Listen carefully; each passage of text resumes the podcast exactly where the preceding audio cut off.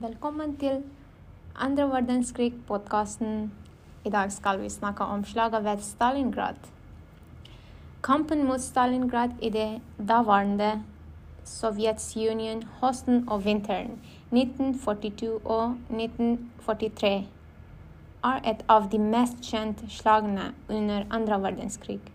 En stor sovjetisk en stor sovjetisk motoffensiv som omslutit och isolerat de tyska styrkorna, tvang till slut fram en tysk uh, övergivelse. Slaget om Stalingrad hade stor eh, symbolisk betydning. Byn var uppkallad efter Sovjetunions diktator Josef Stalin och framstod som ett sovjetkommunistiskt och uh, tungindustriellt idealsamfund. Nu hade byn stått emot det tyska naziregimen, angreppskrig. Den sovjetiska serien demonstrerade och så vurden Tyskland offensiv kraft definitivt hade passerat sitt höjdpunkt. I ettertid är slaget om Stalingrad blitt stående i allmänhetens bevissthet som ett avgörande vändpunkt, icke bara i krigen på östfronten, men också i hela andra verdenskrig.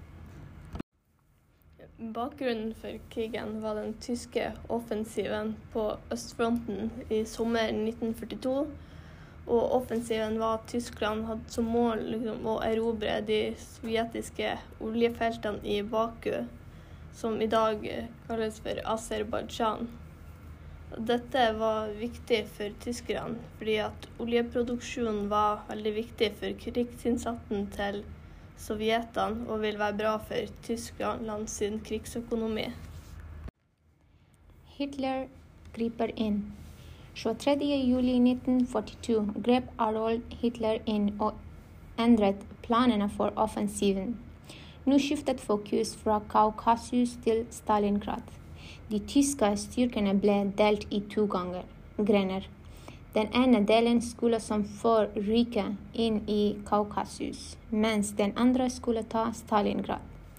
Hitler menade att den psykologiska betydningen av att ödelägga Stalingrad långt översteg den rent eh, strategisk militærverdien. En erobring av Stalingrad ville svekke Sovjetisk Union kamp, kampmoral och äh, demonstrerar Nazi-Tysklands styre. Både overfor motståndare såväl som landets förbundsfällor och så ideologiska aspekter spilt in i den tyska diktaturens värdering. Stalingrad var ett kommunistiskt monstersamfund som måtte utslettes. Den maling eh, befolkning, eh, befolkningen skulle eh, tillintetgöras och eh, deporteras. kvinnen fälttåget i Kaukasus gick i stå i september, trodde framdeles Hitler och den tyska överkommandoen att Stalingrad raskt kunde erobras. Den sovjetiske taktikken måtte endre seg utover 1942 i en mer dynamisk retning den nye taktikken deres gikk ut på å trekke seg tilbake hvis de møtte en mektig fiende, slik at de kunne omgruppere troppene og de kunne unngå å bli omringa. Og de valgte å bruke denne taktikken fordi de hadde sjøl blitt omringa og nedkjempa tidligere på østfronten. Men ett unntak av denne taktikken var Stalingrad, hvor Stalin mente at de skulle ha en endelig forsvarslinje.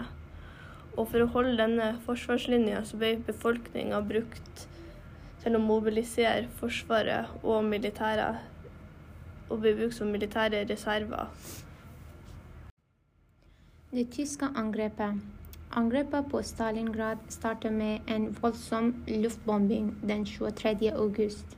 Hela den tyska luftflottan, fire med sin över 1200 fly, blev satt in. Genom september och oktober erobret tyskarna sex armar, det mest av Stalingrad men de sovjetiska tyskarna ble, eh, sig eh, fast i noen lommer.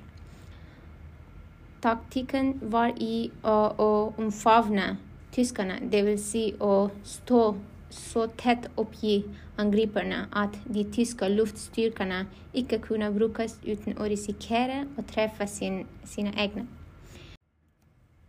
I de sammanrasta ruinerna av boliger och fabriker utvecklade det seg eh, en intens närkamp.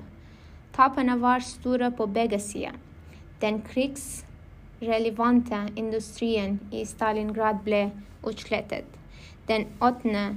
november mm, beordrade Hitler ett förnyat angrepp mot de uh, sovjetiska ställningarna i Stalingrad. Dersom som falt, kunde tyska styrkor uh, eh, därför omgrupperas till andra frontavsnitt, där det var svårt uh, tillträngt som följd av ökande sovjetisk press. Den röda armé, som var den sovjetiske hæren etter den russiske revolusjonen, starta en operasjon kalt Uranus, som da var et motangrep for Tyskland sitt angrep på Stalingrad. Motangrepet deres gikk ut på å angripe rumenske styrker nordvest for Stalingrad, slik at de fikk omringa tyskerne. Tyskernes nederlag.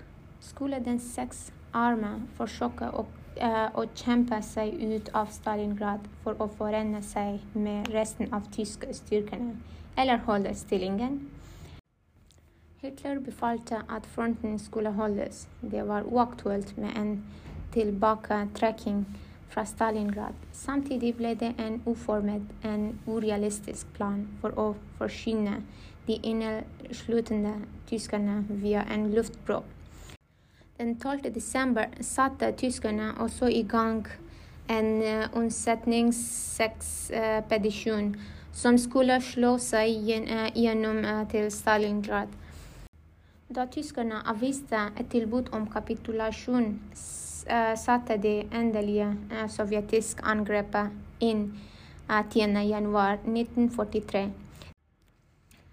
Den 31. januari utnämnde Hitler den tyska över, uh, eh, overstkommanderende i Stalingrad, general Friedrich Paulus, till eh, uh, fältmarskalk.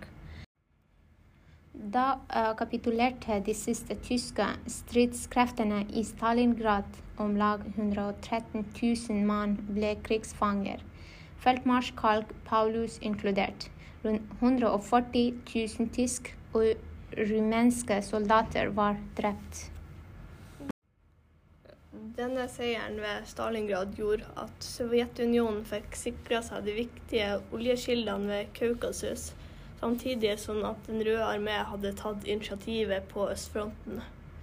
Detta angrepp gjorde också sannolikt för att at Tyskland kunde tappa krigen, medan krigsviljan hos de allierade växte. Men angreppet gjorde också att Tyskland sin växte.